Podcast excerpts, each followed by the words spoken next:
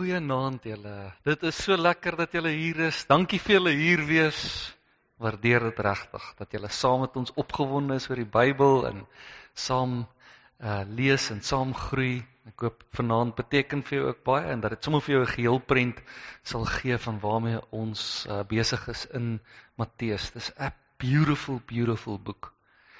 Uh ek wil graag vir ons open met gebed en dan uh, sommer die sessie vanaand ook opdra aan die Here en dat uh, ja, dat hy ons sommer net sal verbaas oor die woord van die Here. Kom ons bid saam. Heilige Gees, baie baie dankie. Dit is lekker om hierso saam met hierdie medegelowiges vir my te wees. Dit is lekker om nou nou voor die tyd ook saam met Rudolf te kon bid. En nou ook hierdie sessie sommer net aan U te kan opdra. Heilige Gees, Ons uh, vertrou U dat U ons oë sal oopmaak vir die skoonheid van U woord en dat die woord ons eintlik eintlik sprakeloos sal los van verwondering. Mag U daai werk kom doen in ons lewe vanaand. In die naam van Jesus. Amen.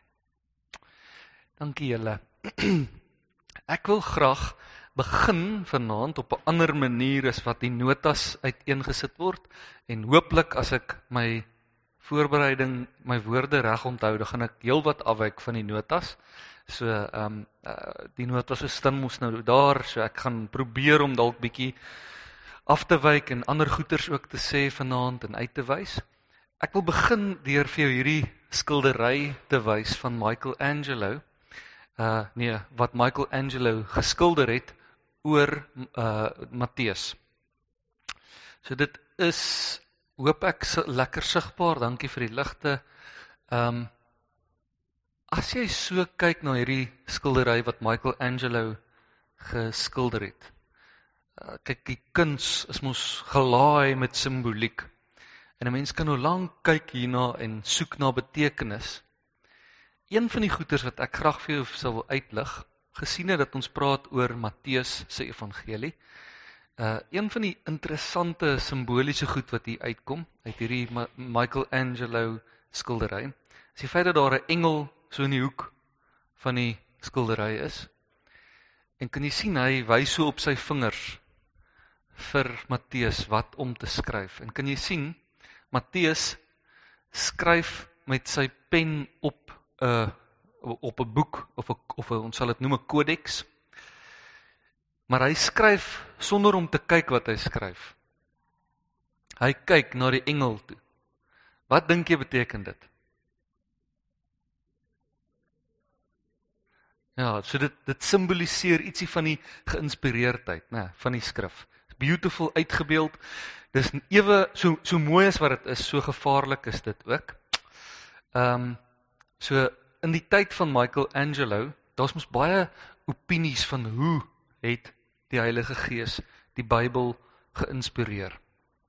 En dit wat ons vandag op ons skote het, noem ons die Bybel of die woord van God, maar ons aan die hand van hierdie inspirasieteorieë is daar baie verskille oor hoe moet ons God se woord vandag verstaan? Is dit God is die Bybel God se woord of bevat dit God se woord? Is dit mense woorde oor God? En elkeen het so 'n ander aksent wat hy probeer uitbring. En in die tyd van Michelangelo was daar die was die oorwegende uh narratief wat wat mense aan vasgehou het dat hulle het geglo aan 'n meganiese inspirasie van die van van van mense. So dis asof Matteus net gekyk het na die engel en asof die Heilige Gees net beheer oor hom oorgeneem het en hy begin skryf het. En daar's vandag nog Christene wat ook dit glo dat dit die manier is hoe die Bybel geïnspireer is. Dit is wel gevaarlik. Ehm um, dis meerendeels 'n 'n aanname wat heers onder moslems. En uh moslems is nogal geneig om te glo in 'n meganiese inspirasie leer. En dit maak dat hulle byvoorbeeld uiters gekant daarteen is dat 'n mens die uh, Koran vat en in 'n kindervorm oorvertaal of 'n kinderkoran uh, daarstel vir vir vir kinders. So anders as uh, in die in die Christendom waar jy 'n kinderbybel kry, kry jy glad nie 'n kinderkoran nie, want dit doen afbreek aan die meganiese inspirasie van uh van van hulle heilige geskrif. Probleem van die meganiese inspirasie is dat hoe hoe verklaar jy oënskynlike foute wat in die teks is, oënskynlike verskille wat mekaar weerspreek en so aan. En so daar het 'n skuif gekom van die tyd van Michelangelo af na die ene wat tot en met vandag toe nog uh, redelik die oorwegende teorie was na 'n organiese inspirasie teorie wat sê dat ons glo dat die Heilige Gees het regtig Matteus en Paulus en die uh, sovoorts um, geïnspireer maar dit is 'n organiese manier hy hy het hulle woordeskat gebruik hy het hulle persoonlikhede gebruik, hulle belangstellings gebruik. So so Lukas wat 'n dokter was, sal vir ons in meer in detail ingaan oor die siektes wat Jesus genees het en so aan. En uh so dis 'n bietjie meer organiese uh, 'n organiese inspirasie teorie en dit maak dit skep vir ons ruimte om ook foute en verskille en en so aan in die Bybel te kan verduidelik dat die Here met hulle gebrekkige woordeskat en gebrekkige verstaan uh gewerk het en van daar sit ons met die produk wat ons vandag ook sit. En ons nou dink ek 'n ander skuif wat besig is om te om plaas te vind. En dit is ene wat so dit is ons kom nou by die teks wat ons vanaand gaan hanteer, maar dis sommer net alles ter inleiding omdat ons kyk na Matteus se evangelie. As ek moet raai, Hierdie teorie was al in die verlede geopper en verwerp, maar dis asof hy resurface vandag. En ehm um, hierdie teorie sal eerder sê dat ons dat dat dat ons sit nie met God se woord voor ons nie. Ons sit eerder met mense woorde oor God. Dis anders as oor die organiese skrifteorie. Hierdie hierdie teorie sal sê dat daar was oomblikke oomblikke wat mense geïnspireer is en dan het hulle gedink oor God en dis mooi en nuttig vir ons. Maar dan is daar groot gedeeltes in die Bybel wat nie geïnspireer is nie. En die probleem van hierdie teorie is dat ons as mense word dan die regters van wat is God se woord en wat nie. En dit is uiters gerieflik. Want dit waarvan ons nie hou nie, sê ons net, dis nie geïnspireer nie, dis nie God se woord nie en dit wat ons pas, dis God se woord. En ek's regtig nogal super ehm um, bekommerd want dit lyk nogal of hierdie teorie in vandag se tyd nogal weer opgang maak en so aan. En ek is eerder 'n voorstander. Ek ek ek dink dit was gevaarlik om 'n meganiese inspirasie teorie te, te handhaaf.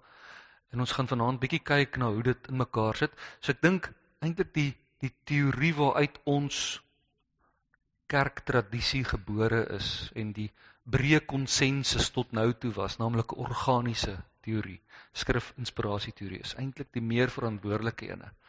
En ons moet dit maar dophou, uh waarheen dit gaan, maar ek dink my kinders, soos wat hulle groot word, gaan al meer blootgestel word aan 'n tyd en 'n gees, 'n tydsgees waar mense die Bybel afmaak as gewone mensewoorde oor God en nie self geïnspireer nie.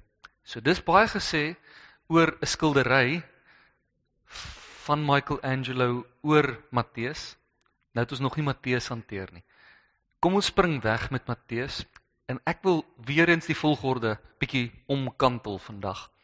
Want ek dink as ons begin by die struktuur gaan daar 'n klomp goeder sommer net vir jou oopval, sommer uit die staanspoor uit.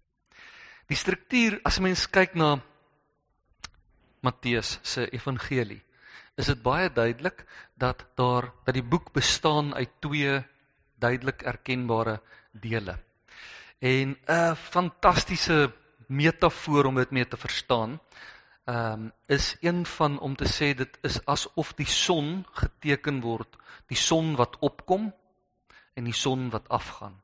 So die eerste deel van Jesus se bediening is die son wat is, is sy bediening wat groei en al sterker word en dan ondergang van die son sin speel op die sy naderende dood, sy lyding, sy en uiteindelik sy dood. So hierdie twee helftes sien jy nogal binne in die evangelie baie duidelik uitge, uh, uitgeteken.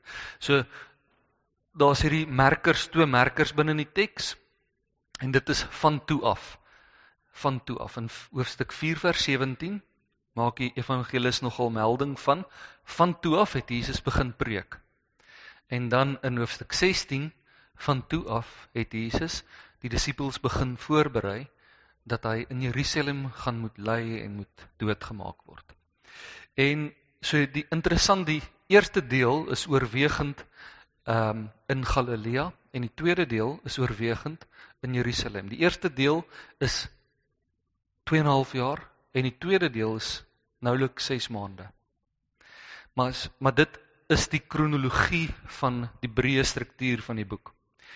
Maar as jy dan met die fisiese teks gaan werk, dan val jou mond oop as jy gaan sien dat dis 'n kunswerk, want Matteus het byvoorbeeld gegaan en hy het begin en geëindig met 'n verhalende gedeelte. En die inleiding waarmee hy begin, begin met die Ou Testamentiese profesie dat die Here is met ons. En hy sluit hierdie evangelie af met Matteus 28 wat sê gaan dan in al die uithoeke van die wêreld in en onthou ek is met julle tot aan die einde van die dae, né? So hy hy begin en eindig met hierdie teologiese motief. God onthou my lesers sê onthou God is met ons. God is met julle. En dan interessant verdeel hy die inhoud, dit wat tussen hierdie begin en die einde is. Verdeel hy in 5 blokke. En elkeen van daai blokke handel oor ietsie van die koninkryk. So sien die leefstyl van die koninkryk. Onthou nou 5 hoofstuk 5 tot 7 is mos die bergrede, né? Eh hoe hoe Jesus praat oor die hoe, hoe om te leef in die koninkryk. So dit gaan oor die leefstyl van die koninkryk, dan die missie van die koninkryk, hoe die koninkryk groei, daai rits ehm um, gelykenisse oor oor oor oor die koninkryk, hoe die koninkryk groei en ons sien daar ook hoe die disippels verdiep in hulle verstaan van wie Jesus is binne in daai blok. En dan gemeenskap van die koninkryk en die toekoms van die koninkryk. Nou, elkeen van hierdie 5 blokke is daar 'n verhalende deel en 'n 'n 'n deel wat gaan oor redevoering, hoe hoe Jesus preek. Kyk byvoorbeeld nou daarso. En dit is verskriklik belangrik. Eerstens die 5 dele. Die 5 dele probeer Ons kom nou nou by die punt vir wie het Matteus geskryf. Maar as ek hom so bietjie vooruitloop, Matteus het geskryf vir Joodse Christene, mense wat pas tot bekering gekom het. Van spesifiek vanuit die Jodendom uit. So hy doen deurgangs moeite om Jesus so gunstig as moontlik vir 'n Joodse gehoor aan te bied. En onthou jy wat in in die Ou Testament is 5? Die Pentateeg. Die Pentateeg. So hy bied Matteus aan in die vorm van die Pentateeg, die 5 boeke van die Ou Testament, die Torah. Dis die belangrikste, dis die anker, die bakermat van van van die Judaïsme, né? En in elkeen van hierdie blokke bestaan dit uit 'n uit 'n redevoering of woord of preek van Jesus en dan 'n verhalende deel of 'n 'n deel waarin Jesus uitgaan en dit leef wat hy nou net gesê het. So om jou die voorbeeld te vat, die eerste ene, Matteus 5 tot 7 is die bergrede, die beste preek wat nog ooit gelewer is en Jesus sê vir hierdie disippels van hom, 'n amazing gedeelte. Onthou nou ons net, joh, hier is so baie om te sê. Ons ons is net besig met die makrostruktuur. Maar ons sou ook nog kon infokus op wat die struktuur van die bergrede. So die interessantheid is, hy gaan op met die berg en dan gaan sit hy. 'n Teken van 'n leermeester wat met gesag teach. En dan staan daar het sy disippels nader gekom. Met ander woorde, maar ons sien dat daar 'n 'n wisselwerking is tussen die woord disippels en apostels binne in Matteus se evangelie. Dis nie dieselfde ding nie. Apostels is die mense wat hy is die 12, maar disippels kan breër verstaan word. in die in die boek Matteus. So hy gaan sit en die disippels kom nader uit die massas mense uit. En dit sinspeel vir ons is baie belangrik. Nou nou, hoe vir wie het hy die boek geskryf? Wat se doel was dit? Was 'n disippelskapshandleiding. Die mense wat belang gestel het om Jesus dieper te volg, kom uit die massas uit teen die berg op om na Jesus te kom luister. Dan gee hy vir hulle die beste preek ooit oor die leefstyl van die koninkryk. Maar dan gaan hy af met die berg en dan gaan leef hy dit. En soms so met die aftra afgaan van die van die berg af. Dan word hy sommer teëgekom met die eerste probleem, 'n malaatse man wat vir hom sê onrein, onrein. En dan kom Jesus en hy hy nou net in die volgende wonderverhaal wys Jesus dat hy iemand kan genees deur net 'n woord te spreek. So ons weet hy kan dit doen, maar in hierdie verhaal kies Jesus om in hierdie malaatse man se sere wat etter te vat. En dit is 'n verstommende manier om om te wys hoe vol empatie en liefde leef Jesus. Presies dit wat hy nou net gepreek het. So hy breek telkens vir sy disippels wat hom wil volg dit oop. Hoe lyk die leefstyl van die koninkryk en dan gaan wees hy die lewende voorbeeld daarvan. En is interessant dan elke keer ek het hom daar op jou struktuur so donkerder gemaak. As jy wil weet waar eindig hierdie verhalende gedeelte, elke keer by daai gedeelte wat donkerder gedruk is, sal die frase wees nadat hy dit gesê het of toe hy klaar gepraat het en dan volg die verhalende gedeelte weer of die daad gedeelte weer. So as jy so na hom kyk, dan kom jy agter die goeters ego mekaar ook en soos wat ons verlede Sondag gepraat het, as daar as jy werk met so 'n omarming styl figuur in die teks, dan uh is dit dikwels dat die fokus lê in die middel en dis dan ook wat gebeur in hoofstuk 13. Hoofstuk 13 vorm die middel van die boek en dit is dan die gedeelte wat handel oor die koninkryk en hierdie rits uh as ek dit nie mis het nie sewe gelykenisse, sewe kom nou net daarby baie belangrik, sewe gelykenisse oor die koninkryk. Goed, so as jy so kyk na hierdie na hierdie struktuur, dan weet jy dis my is my so mooi ek ek besef dis 'n sekere spiritualiteit.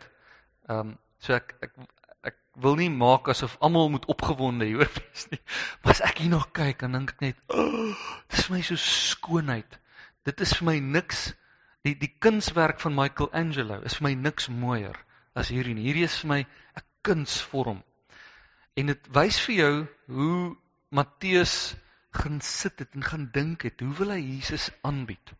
So as jy na die struktuur sou kyk en jy vir jouself sou afvra wat leer ek uit hierdie struktuur uit?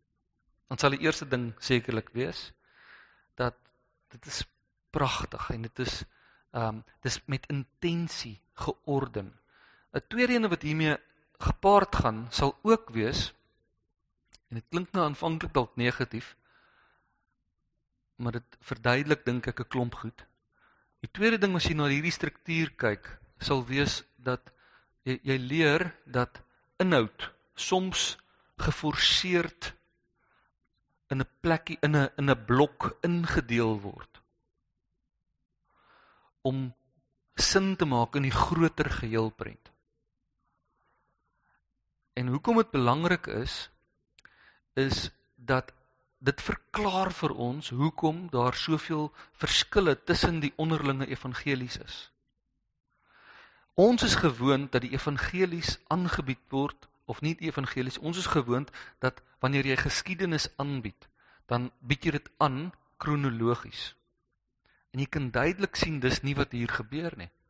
Kronologies is die geboorte en die sterwe en die opstanding, dit obviously ja. Maar die ander insidente tussenin gaan Matteus en hy verpak dit waar dit tematies vir hom sin maak. En nou lees jy weer Lukas en nou sien jy maar hier is die vermeerdering van die brood daar en hoekom verskil dit dan so en en dit dit skep vir ons wat kyk met 'n westerse brein na geskiedenis 'n baie groot probleem. Maar dit is nie hoe hierdie genre voor bedoel was nie. Die genre van hierdie uh, boek was een van Grieks-Romeinse biografieë of 'n memoir literatuur. Dis waar volgens dit geklassifiseer is. En hierdie Grieks-Romeinse biografieë het nie ten doel gehad om goeders kronologies uiteen te sit nie. Die breë trekke van die geskiedenis bly dieselfde. Dit bly regtig dieselfde. Dit is nie asof dit duimsuig is nie. Maar die persone kon dit geskuif het om tematies sin te maak.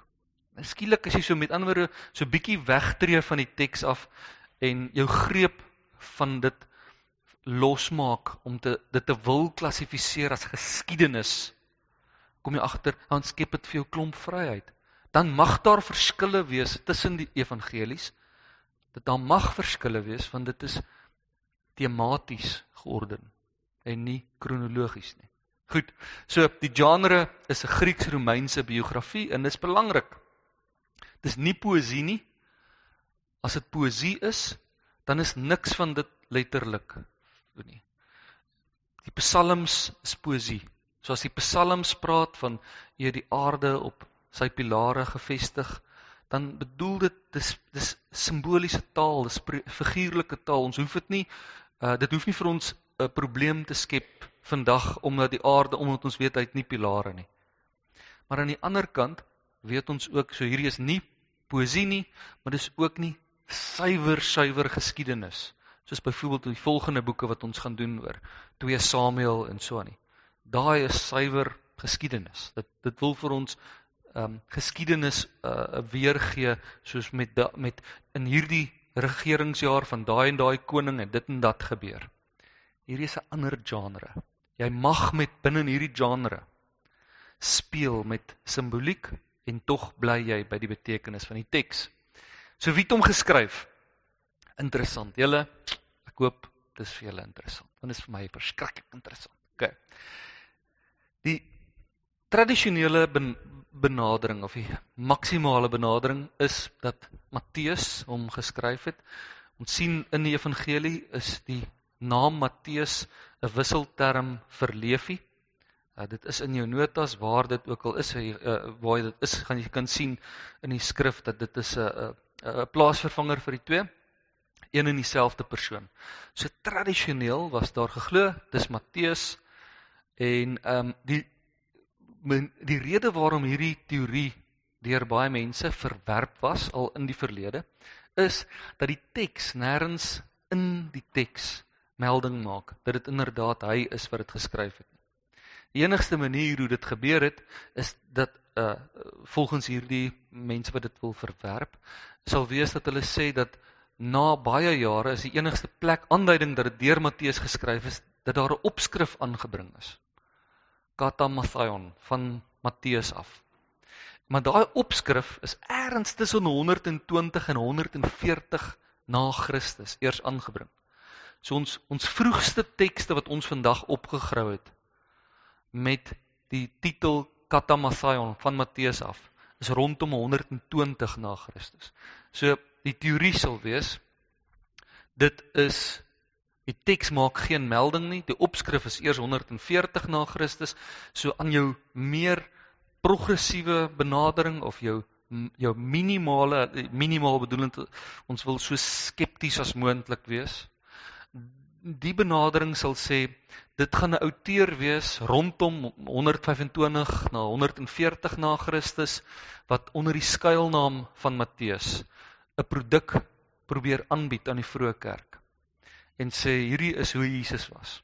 So vangend van wie hy is en hoe jy dink oor die Bybel, begin my al so 'n bietjie kriewelrig gemaak, jy weet ek ek ek like nie heeltemal dit nie, maar ook hier word hierdie teorie dan afgeskiet deur geleerdes, ander geleerdes wat sê, "Wow, wag so 'n bietjie, stop die bus.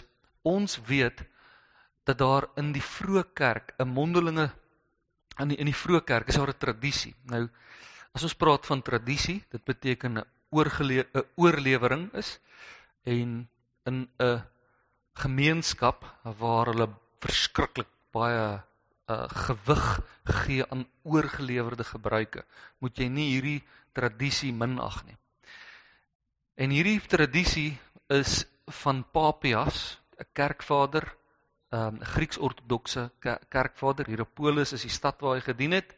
Met ander woorde, hy was so 'n biskop, 'n soort biskop, 'n soort dominee. In 110 na Christus word hierdie dokument van hom gedateer.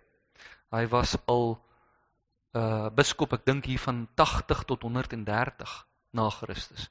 Maar hierdie spesifieke dokument dateer hulle rondom 110 na Christus. Het hy 'n dokument geskryf wat ons so vandag sal noem as apologetiek. Dis om vir mense wat buite die geloofskring staan te verduidelik hoekom ons glo wat ons glo en om te sê dat dit wat ons glo het goeie meriete. En binne hierdie tradisie skryf Papias dat die eerste evangelie is geskryf deur Matteus en is nogal geskryf in Aramees. Nou die feit dat Papias al in 110 na Christus hierdie aanspraak maak dat dit dis dis veelzeggend. Met beteken met ander woorde dit was bekend aan ehm um, die geloofsgemeenskap in 110 na Christus tot so mate dat 'n biskop dit voorhou as binne 'n apologetiek teks dat dit 'n gesaghebende bron is van die kerk. Dit maak dat die datering van 140 na Christus hopeloos hopeloos te laat is. So meeste geleerdes binne hierdie spektrum as hulle moet kies tussen hierdie twee teenpole sal sê dis tog die meer waarskynlike een om te sê dat dit inderdaad die apostel Matteus is, die tollenaar is wat alles prysgegee het wat ook hierdie evangelie geskryf het. En inteendeel, hoe hulle hulle self sal verantwoord op die feit dat die teks nie melding maak van sy outeurskap nie, hoe hulle dit sal regverdig is om te sê dit bevestig eintlik dat dit Matteus is. Want as jy die apokriewe boeke vat en deksels. Ek het vanaand vergeet om my bundel apokriewe boeke saam te bring, want ek het hierdie ding saamgebring. Maar as jy die apokriewe boeke vat, waarvan dit beskikbaar is vir ons almal, dis 'n gedrukte weergawe en so aan, dan sien jy dat die apokriewe evangelies, met ander woorde evangelies wat die vroeë kerk gesê het, jong, dis dodgy. Dis soof jy as jy so met 'n stok aan hom voel, dan kan jy sommer voel die ding is shaky. Ja. Dis dit's nie regtig die apostels wat dit geskryf het nie. En hulle het dit nie opgeneem in die kanon nie, in die Bybel nie. As jy daai apokriewe boeke vat, dan probeer al daai apokriewe boeke in die teks melding maak dat dit geskryf is deur 'n apostel, een of ander apostel. En dis asof die apokriewe boeke oorkompenseer en probeer 'n voet in die deur kry in die geloofsgemeenskap om te sê dit is julle kan dit aanvaar. Hierdie is regtig geskryf deur die apostel self. Maar en en dan op die ouene word juis daai tekste uitgegooi. So die feit dat hierdie dokument nie eers probeer om daai indruk te skep nie word eerder geïnterpreteer dat die teks 'n statuur van sy eie gehad het. 'n status in die vroeë kerk dat dit sommer van vroegs af geweet dat die mense geweet het deur wie is dit geskryf. Dat dit nie nodig was om te probeer onder 'n skuilnaam in te kom nie. So, dis vir my baie interessant. Nou ek wil ek wil nou met jou bietjie ingaan sommer net vir die interessantheid oor wat Papias spesifiek gesê het. OK, want dit is vir my baie interessant. Ek hoop is vir jou interessant. Nou Maar om vir jou te sê wat Papias gesê het en wat die super interessante deel daarvan is, wil ek nou eers vir jou om daai punt te bewys, wil ek vir jou 'n soortgelyke verskynsel wys wat in die Johannes Evangelie uitspeel. OK. So ons het mos nou die die vier evangelies, Matteus, Markus, Lukas, Johannes. Maar van daai 4 is slegs die 3 evangelies sinoptiese evangelies. Sin beteken daai daai sin beteken ons lees hulle saam. Matteus, Markus, Lukas en Johannes evangelie is heeltemal op sy eie. So kom ons vat die Johannes evangelie en ek wys net gou-gou vanaand vir jou ietsie heeltemal ietsie baie interessant wat die wat 'n punt illustreer oor wat ons nou na gaan kyk. Vat 'n bietjie jou Bybel as jy hom hierso het. En lees gou-gou vir my Johannes 2 vers 11. Wie sal hom vir ons lees?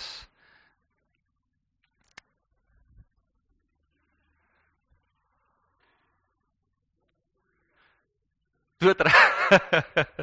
Doodreg, Salome. 2 vers 11, baie dankie. Dankie, doodreg.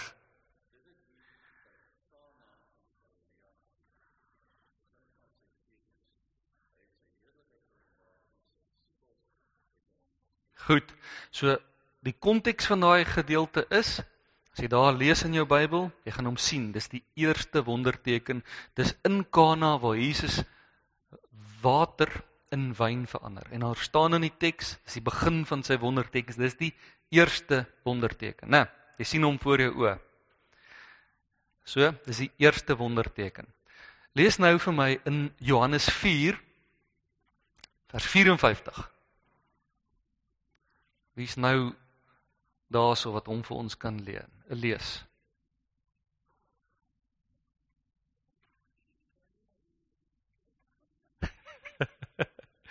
Johannes 4 vers 54.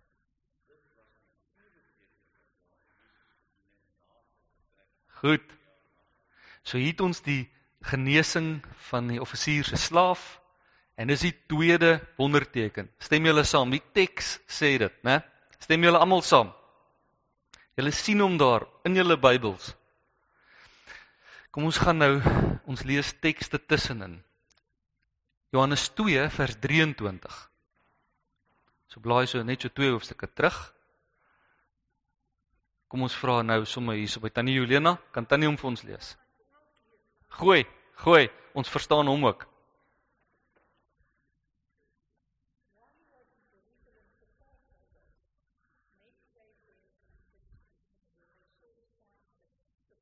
Goed. When they saw the signs that what he performed, want toe hulle die wondertekens gesien het wat hy verrig het. Wat is die probleem? Daar's een teken. Nou sien ons wondertekens. So tussen die eerste en die tweede wonderteken het hy ander wondertekens nog baie verrig tot so 'n mate dat mense tot geloof in hom gekom het.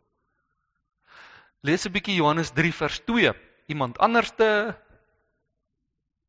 Wie staan so?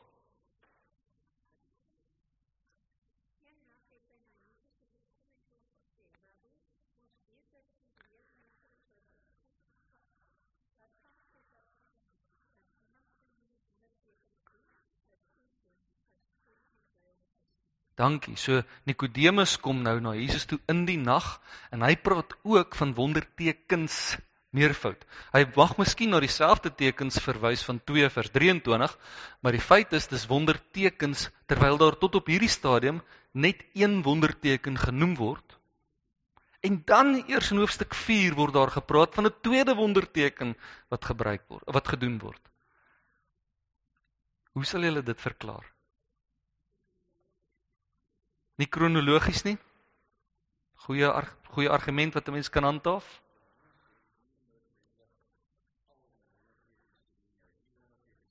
Ja.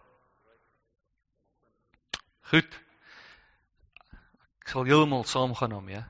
Hy het selektief, kom ons noem dit selektief ge, verwys na wondertekens. En die teorie agter hierdie om om hierdie te illustreer is dat daar was waarskynlik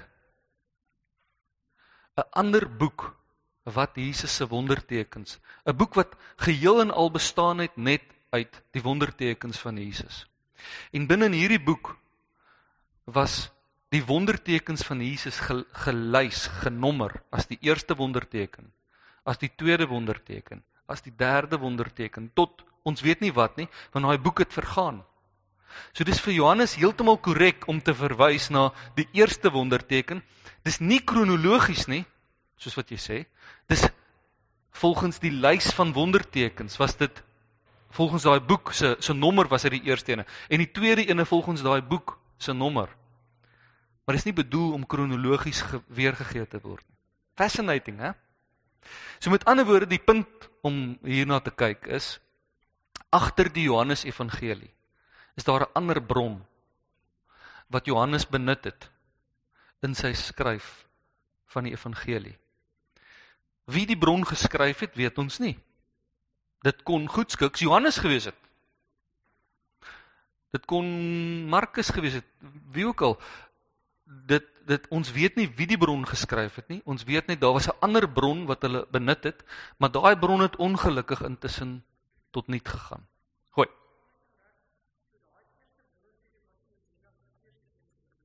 Ja. Dit was slegs die eerste ene wat in hierdie boek gelys is. Nou, so die punt wat ek nou wil maak is die Johannes Johannes Evangelie het geput uit ander bronne uit geskryf en uh, oorgedra deur Christene maar daai bronne het intussen verlore geraak. Nou dieselfde gebeur in die sinoptiese evangelies. En spesifiek ah ja, kom ek gaan bly eers daarsom. Spesifiek met Matteus ook. So kom ek, ek gaan probeer gou-gou vir jou hierso teken.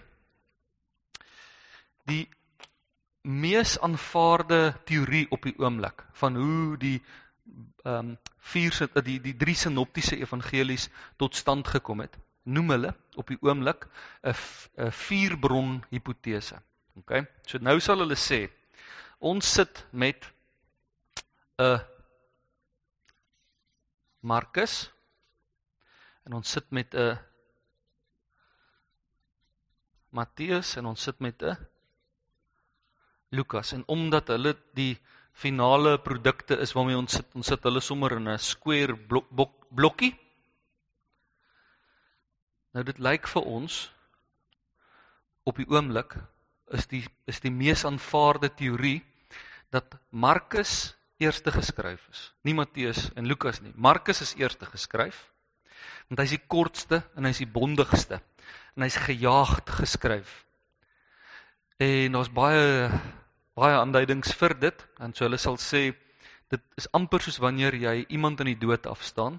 As iemand sterf, dan is die eerste ding wat jy onthou van die persoon is dit wat hulle gedoen het. Jy en ek, ek sien dit so baie ook in ons in ons praktyk, nê, in ons lewe dat die persoon sal sê ag, niemand meer wees op Kersdag om my as my pa nou gesterf het, hy, hy het altyd die skaapbout gesny. Wie gaan dit nou doen? Jy weet jy jy dink nostalgies na oor wat die persoon gedoen het.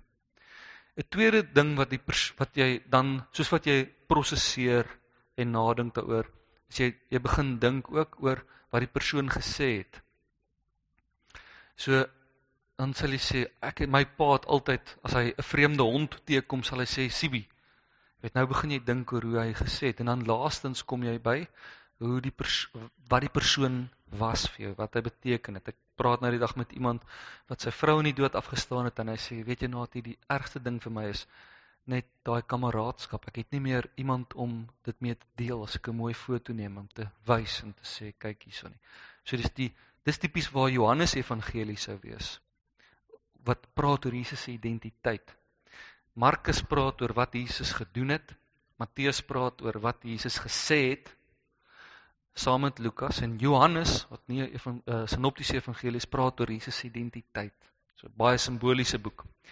Maar nou die drie die vier bronne hipotese sou sê dat die sigbaar Markus was vinnig geskryf wou kort na die gebeure van Jesus ten boek gestel geword het en slegs 18 verse van Markus kom nie voor in Matteus en Lukas nie.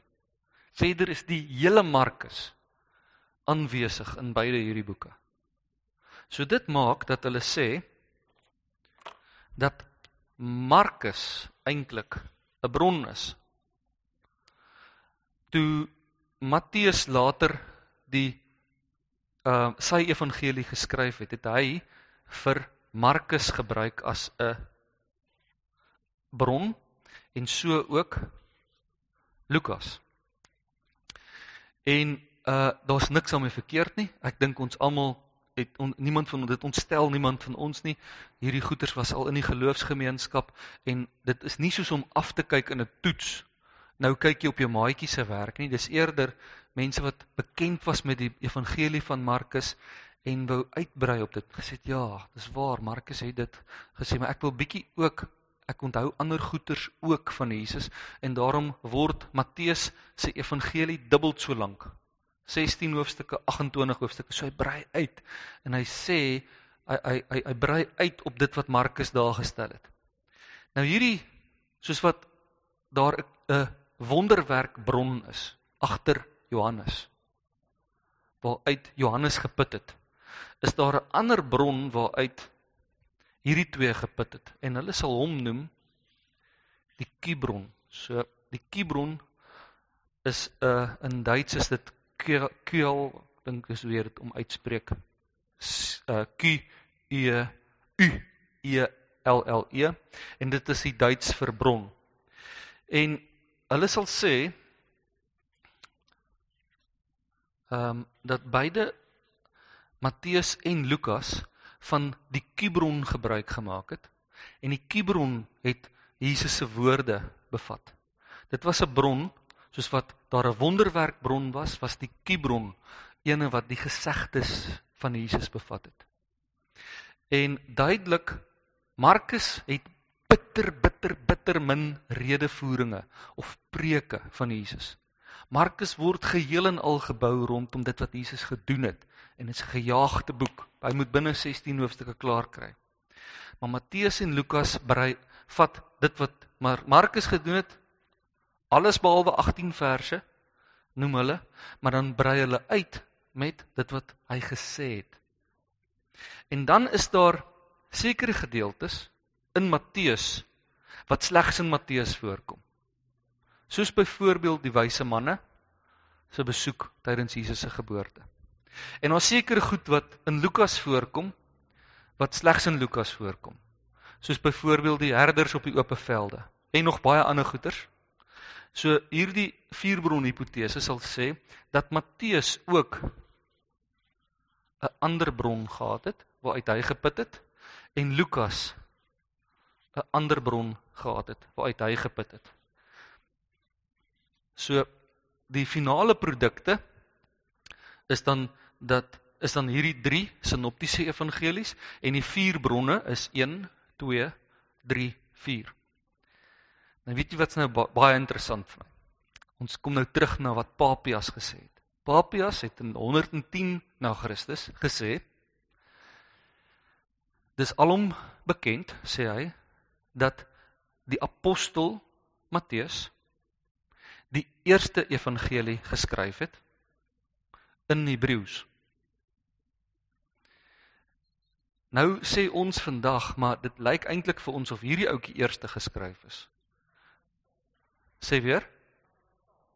In so, hier's twee opsies wat deksels interessant is vir my. Of Matteus is regtig die eerste evangelie, maar dit was eers in Aramees geskryf en toe oorvertaal in Grieks en die Aramees of die Hebreëse evangelie het vir ons verlore gegaan.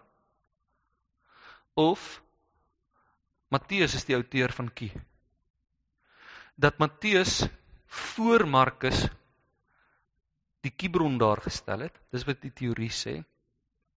Dat Matteus voordat hy hierdie evangelie ten boek gestel het, het hy wou hy so vinnig as moontlik seker maak dat die woorde van Jesus nie verlore gaan nie, dat dit bekend bly by die mense en het hy in Hebreëus of Aramees 'n uh, 'n dokument naas die wonderwerk dokument 'n gesegde of 'n uitdrukking dokument daar gestel. En toe hy later hierdie dokument gebruik in die vorming van sy eie evangelie. Dit maak glad nie afbreek aan uh die die gesag van die woord of so nie. Dit sê eerder dis net vir my beautiful om te sien hoe hierdie mense so vinnig as moontlik die woorde van Jesus, die persoon van Jesus wou vasvang, wou seker maak dit gaan nie verlore nie, dit kom by die by die regte mense uit en dat dit uh, vir ewig word en ingeets word in die lewe van die gelowiges. So die dit sal my nogal nie verbaas as verdere studies op die op die oomblik is daar toenemende stemme actually wat sê dat as hulle die woorde van Jesus binne in Matteus gaan naspeur, dan kom hulle agter dat daar is onderliggend aan daai woorde van Jesus uh arameese um sinskonstruksies en dit lyk so al asof ietsie uit aramees uit oorvertaal. Jy weet mos dit werk nie. As jy Afrikaanse ding net so wil oorvertaal Engels, jy weet mos dit. op 'n manier hang jou onderrok uit. Jy weet mos. Jy kan nie Google Translate net copy cut and paste nie, né?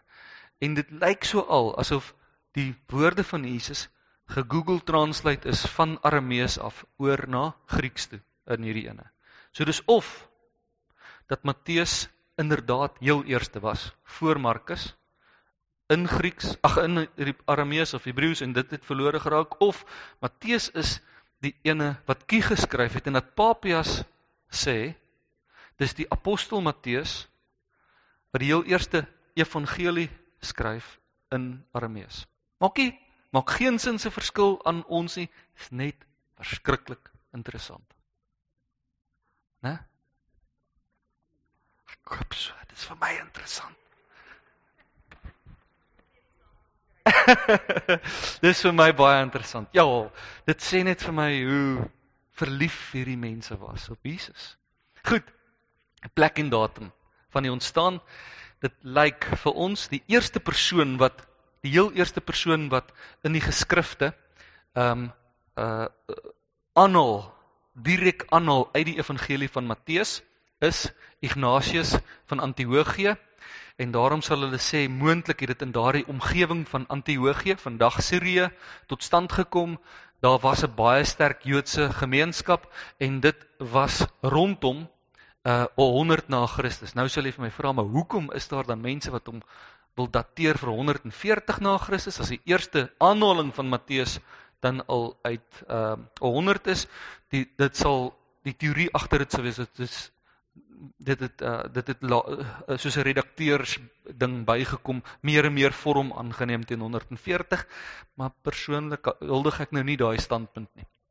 Daar's selfs rede om te glo dat Clemens van Rome 'n ander dominee van daai tyd rondom 88 na Christus alreeds suggereer in sy geskrifte se ge, uh, ge, gebruik hy taal wat dit wat lyk asof hy aanhaal uit die Matteus Evangelie. So dalk is hierdie geskrif alreeds bekend teen 88 na Christus.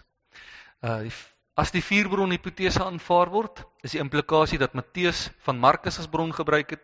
Markus se ontstaantyd is ongeveer 60 na Christus, so dan sou jy kon sê dat Matteus tussen 60 en 90 na Christus tot stand gekom het.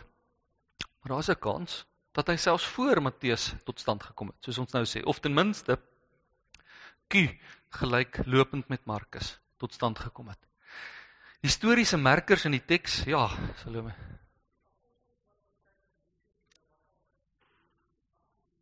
Ja. Ek is so bly jy vra dit. Ek is so bly jy vra dit. Ek wou dit gesê daarna en ek het vergeet. Ons weet vir 'n feit, Openbaring is 96 na Christus geskryf deur Johannes die evangelis Johannes, nou nie Johannes die Doper nie, 96. So dit sê vir jou Johannes het definitief ouer geword as 100, né? Nou, ons weet ook die Openbaring van Johannes, hy het dit neergepen toe hy verban is na die eiland, kan jy onthou Patmos.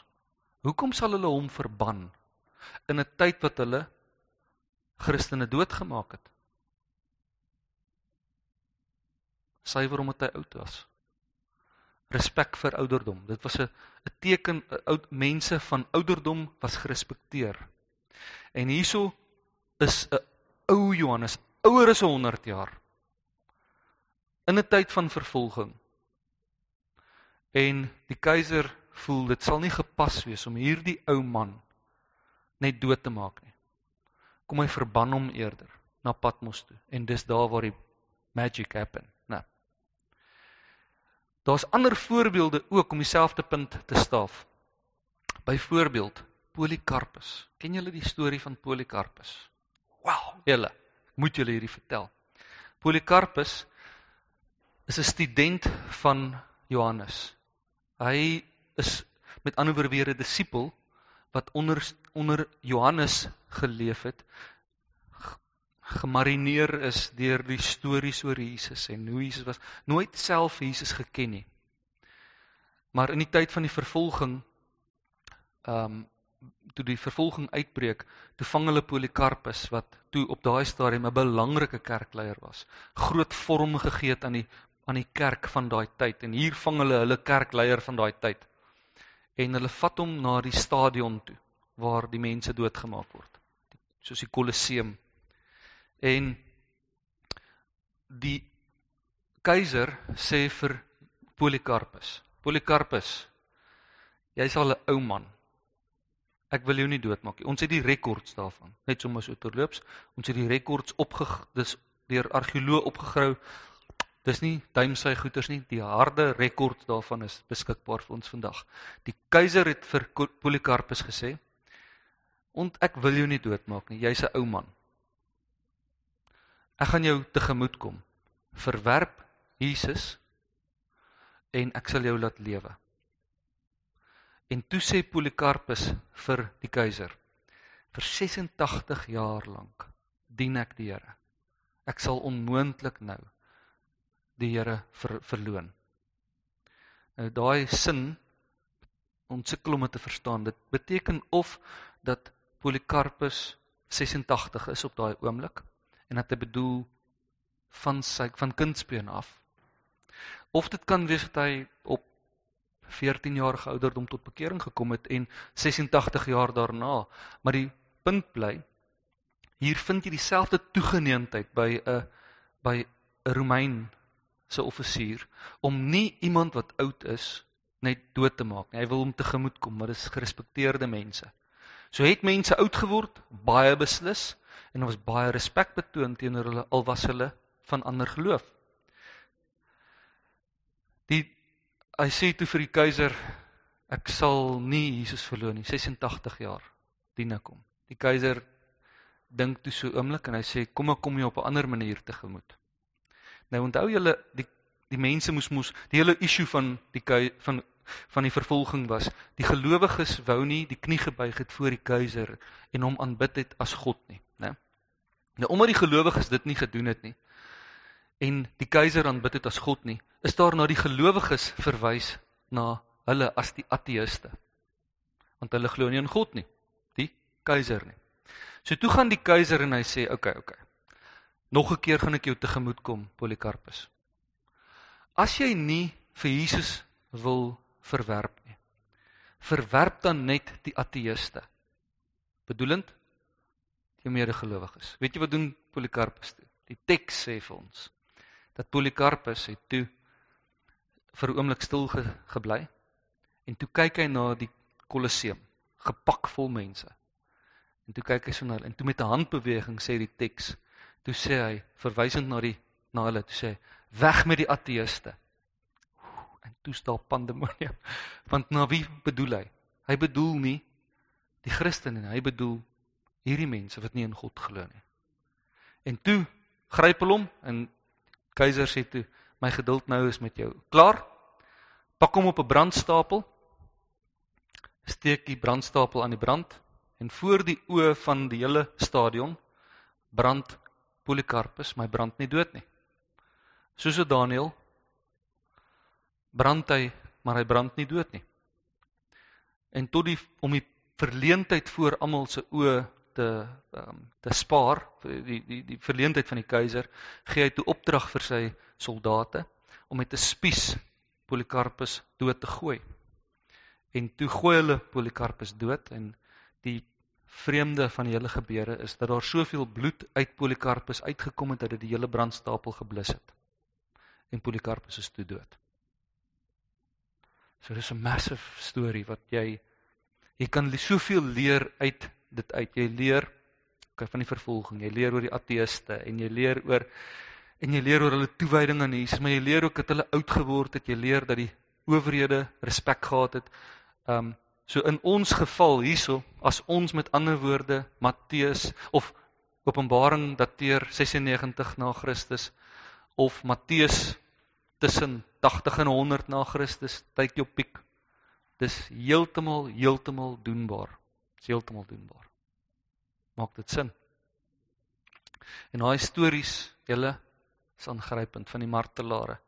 Die einste laaste een wat ek sal vertel net as jy dit moenie op 'n raamd gaan met dit nie. Dit is vir my baie naby aan die hart, maar daar's byvoorbeeld 'n ander verhaal van Perpetua wat 'n swanger ma was wat gearresteer is omdat sy 'n Christen is. Hulle het haar in die Kolosseum gehou.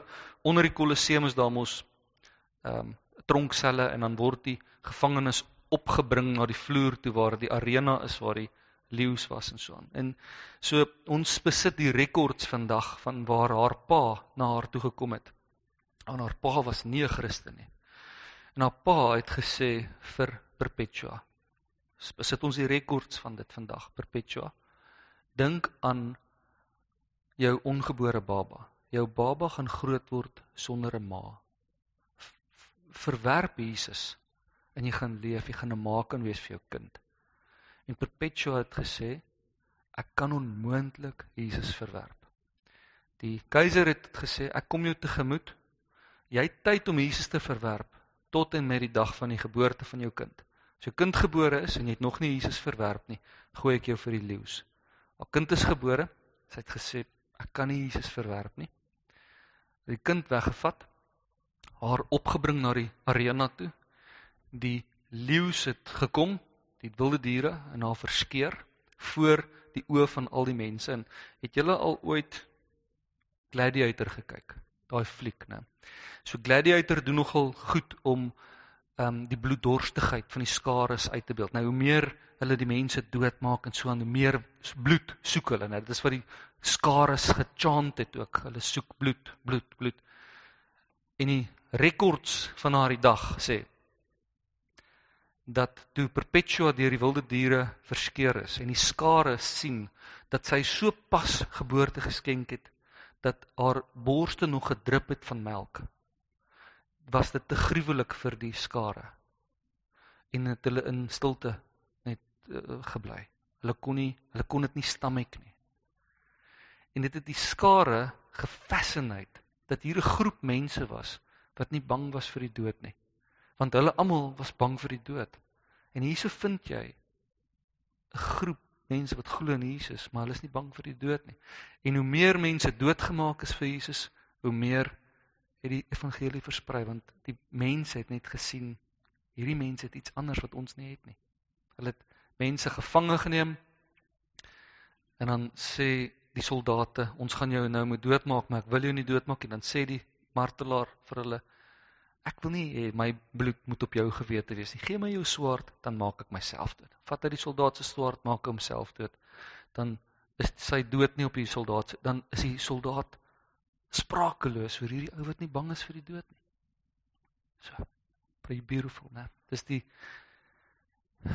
toewyding wat mense gehad het. Dis die toewyding wat mense aan Jesus gehad het. Julle So, historiese merkers in die teks, wat gebeur? Is ergens in die teks is hier 'n moontlikheid wat ons ook kan help om 'n historiese datum te koppel.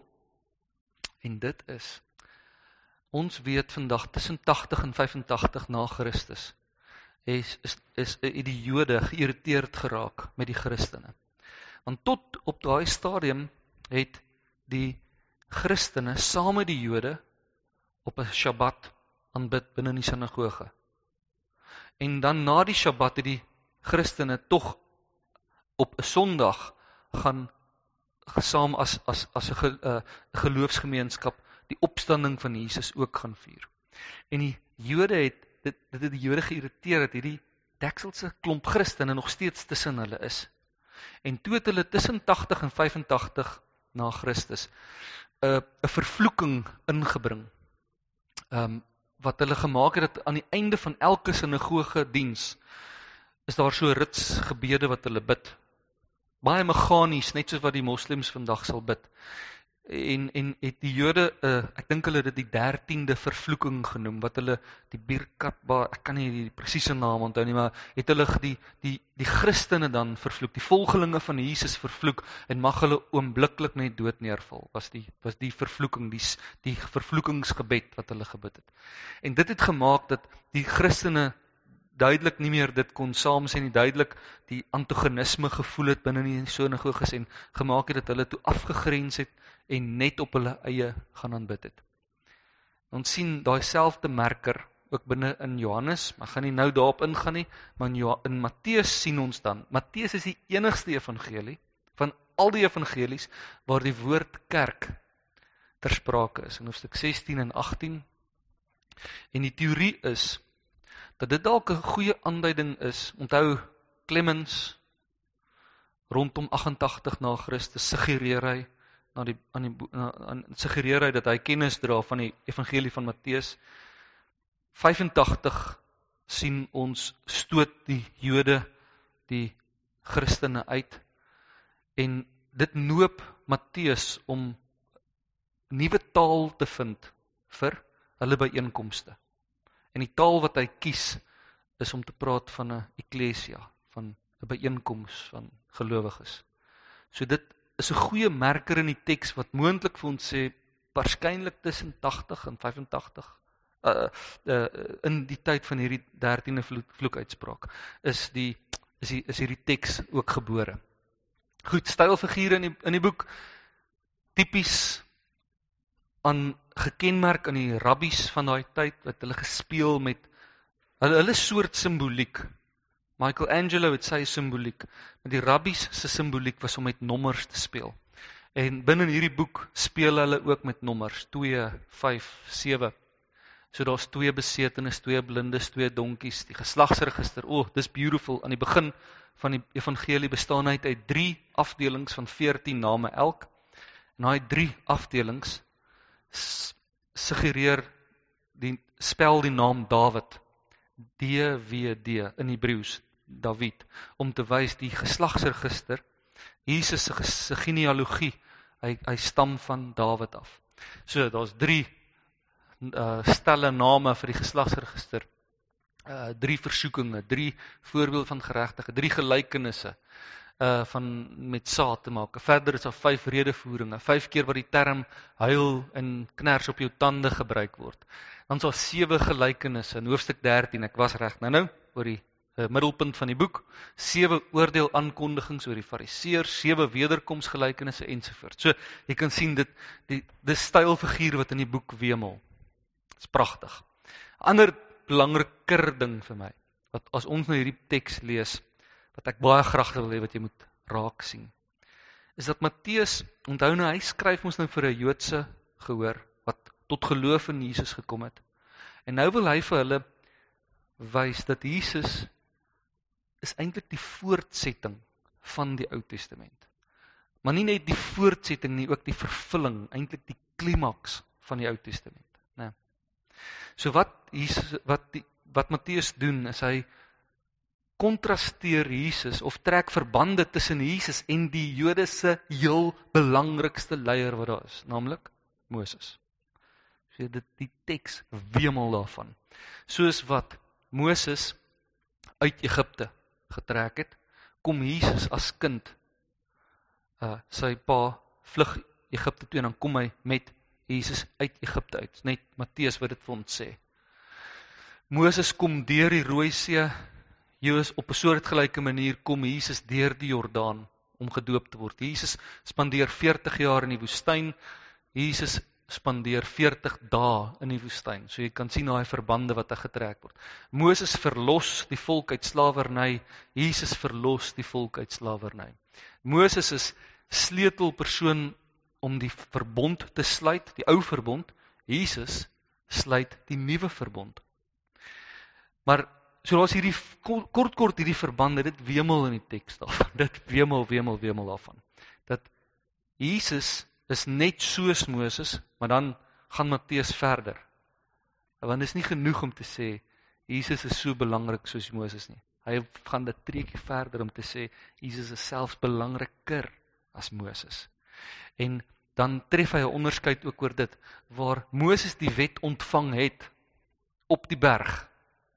Gaan Jesus op die berg met die saligsprekinge en hy gee vir hulle 'n nuwe wet. En dan sal Jesus se taal amazing wees. Hy Jesus was 'n is 'n geweldige aanspraak op gesag. Jesus sal sê, "Julle het gehoor dat." En dan haal hy die Ou Testament aan en dan sê hy, "Maar ek sê vir julle." So hy trek rang op Moses. It's amazing. So hier die 'n stylfiguur waardeur die outeur probeer die voortsetting wys dat die Christendom is eintlik die vervulling van die Jodendom. Maar dis die klimaks daarvan ook. Dit was al die tyd wat God wou gehad het in Jesus. Goed, uniekhede in die teks. Matteus is besonder begaan oor die koninkryk van God meer as enige ander evangelie. Hy maak omdat hy skryf vir Jode haal hy ontsettend baie aan uit die Ou Testament. Iets soos 9, okay, 29 keer direkte aanhalings, 121 keer verwysings na die Ou Testament, vervullingssitate wat hy wys daar is daar gelys vir jou. Matteus skets ook Jesus as die knegg van die Here, daai beroemde gedeelte van Jesaja. Hier kom Jesus, hy bied vir Jesus aan as daardie knegg van die Here titel seun van God is baie belangrik in die boek in Markus. Markus skets Jesus as die seun van die mens. En in Markus is Jesus die sy sy menslikheid word deeltyd geaksentueer en is asof Jesus onder die dekmantel God is in Markus.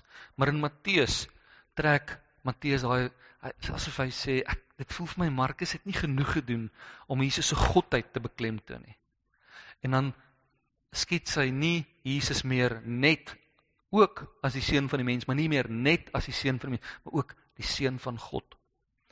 Die term van die wederkoms wat ehm um, parousia wat wat by Paulus te vind is, die gebruik Matteus en okay, dan die twee gedeelte enigste plek in die tussen al in die evangelies waar die woord kerk ter sprake kom is is by Matteus. Goed, vir wie is die boek geskryf? Joodse Christene. Die teks maak baie, ons weet, is nog nog net sommer 'n interessante manier hoe die teks die Joodse Christene sag maak vir Jesus. Die wyse manne kom en hulle kom vra, ons soek die geboorteplek van die koning van die Jode. En verder dan wanneer Jesus in Jerusalem ingaan, dan is dit die intog van die koning van die Jode en dan heel aan die einde dan kom die bordjie op die kruis. Hy's die koning van die Jode. So Matteus gebruik daar, hy skep nie, hy dink dit nie uit nie. Dit het regtig gebeur, maar hy, hy gaan roep dit in herinnering en hy sê dit is wat ek wil aanhaal om vir julle te wys. Jesus is regtig die koning van die Jode. Ja. Definitief. Definitief. My hart word sommer warm as ek daaraan dink. Salome is is beautiful vir my. It's net beautiful.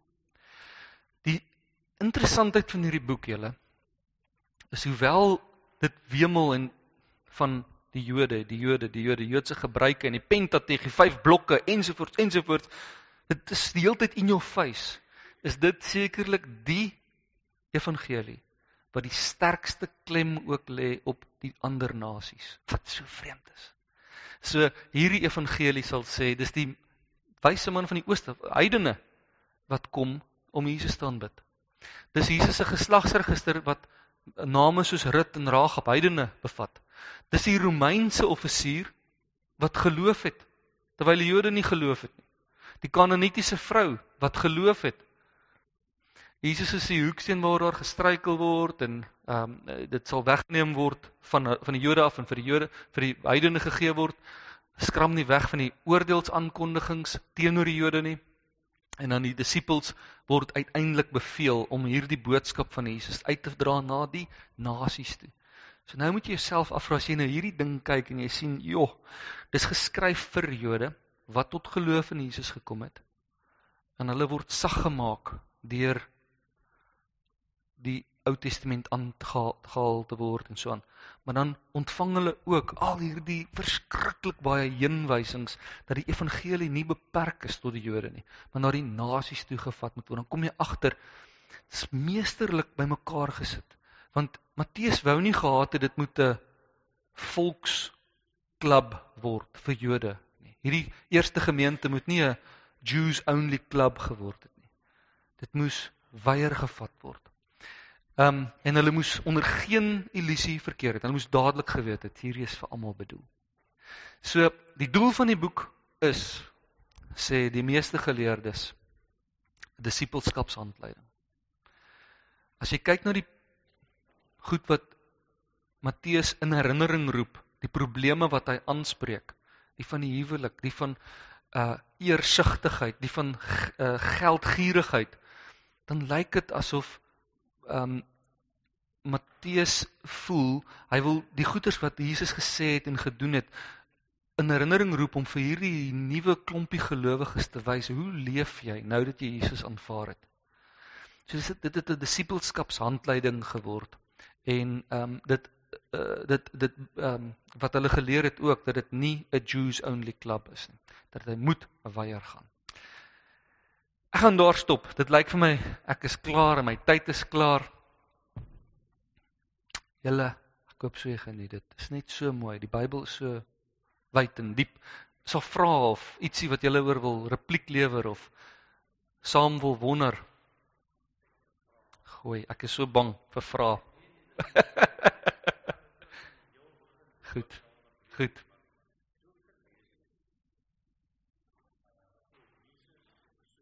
Hmm. Hmm.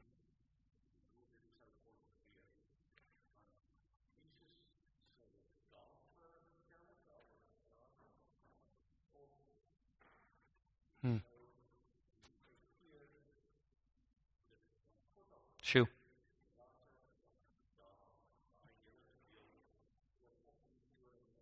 Ja. Dis nou 'n lekker vraag om te vra. Hoe weet ons wat gebeur het in die woestyn as dit net Jesus is wat daar was, né? Nee. Dis 'n goeie goeie vraag. Ek ek sou moet gaan dink oor hom. My natuurlik Rudolf, wat sê jy dat Jesus ook op 'n stadium dit gedeel het met hulle?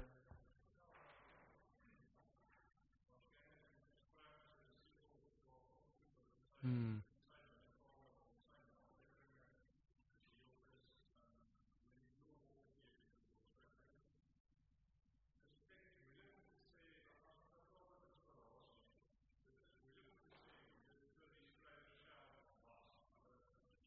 Mm.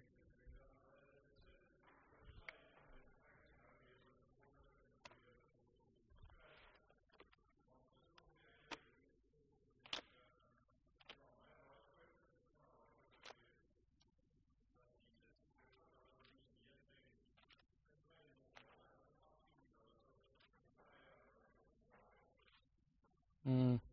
Dankie. Ek gaan ook daarmee heeltemal dit dit maak vir my sin en dit ek ehm um, en ook in net in die reflek. Mm. Mm. Mm. Waar was hy gewees? Waar was hy gewees? Ek probeer nou dink aan nog voorbeelde. Daar sou byvoorbeeld wees as hy alleen gaan bid en terwyl hy loop die see is en hy loop terug en ons weet net dat hy gebid het, maar ons weet nou nie meer van van wat hy gedoen het daar nie. Maar hulle het waarskynlik van hom gevra, "Wat waar was hy gewees?" en ons sê ek het gaan bid. Ek weet so ja, dis 'n lekker vraag. Ja.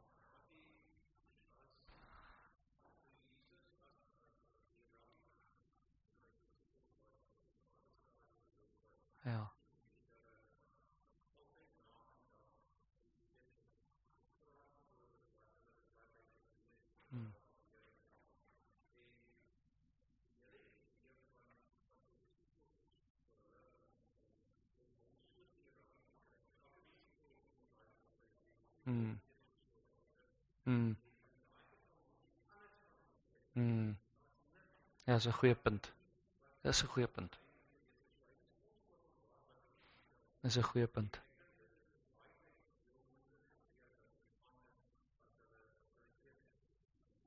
Mm. Mm.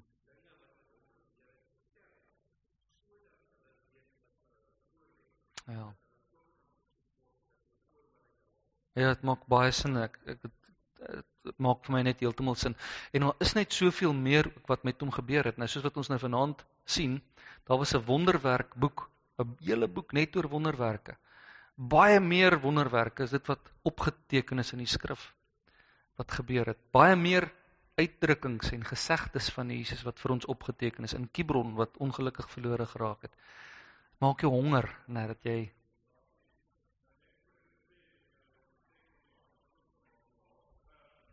Ja.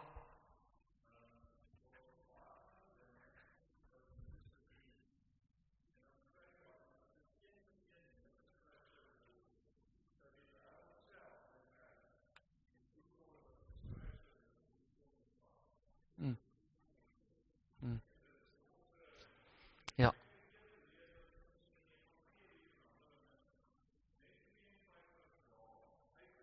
Sjoe. Ja. Ja. Ja.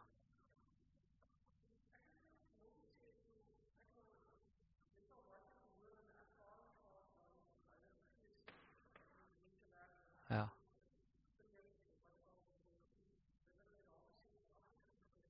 Ja. Ja. Ja.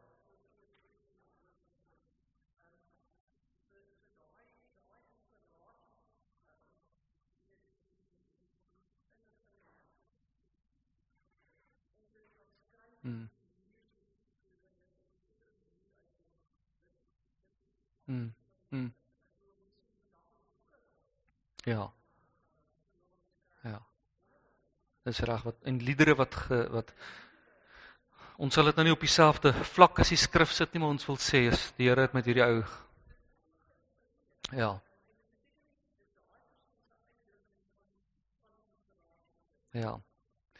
So ek wil 'n laaste dingetjie net sê dan kan ons afsluit, maar dis om jou te challenge, okay? So ek wil net terugkom na hierdie ehm um, sinspeling oor die ehm um, oor die uh, versoeking in die woestyn. Dis tog baie belangrik. Uh want ons iets anderste wat daar ook gebeur wat 'n mens nie moet miskyk nie, maar dis om jou te challenge, okay? En ek gaan nou klink soos 'n woeste charismatic. Okay? Maar ons gereformeerde teoloë het hierdie geskryf.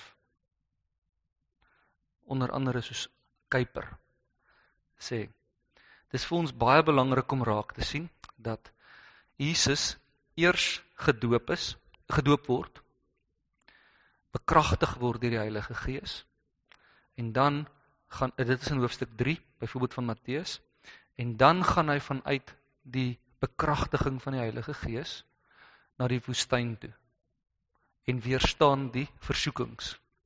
Nadat hy die versoekings weerstaan het, dan gaan hy en hy gaan begin sy openbare bediening en doen wondere. En Kuiper hulle, ons gereformeerde tradisie sê, ons maak die denkfout om te sê dat Jesus die wonderwerke gedoen het omdat hy God was. Hy het die wonderwerke gedoen omdat hy die bekragtig was deur die Heilige Gees. En hy het die Satan weerstaan die versoeking nie omdat hy God was nie, maar omdat hy mens was wat bekragtig was deur die Heilige Gees. En as jy hom mislees, dan bly die volgelingskap van Jesus altyd vir jou onbereikbaar. Jy kan nooit ook so die sonde weerstaan soos Jesus nie, want hy was immers God. En jy kan nooit self die Here kan nie deur jou ook wondere doen nie want hy was immers God. Maar dis nie die boodskap van die teks nie. Die teks probeer te kenne gee dat hy volledig God was, maar volledig mens was. Bekragtig is deur die Heilige Gees en die doop toe die woestyn in is en toe omdat hy die bekragtig is deur die Gees, kon hy die Satan weerstaan, versoeking weerstaan en toe kon die Gees daarna deur hom vloei, ook om wondere te verrig.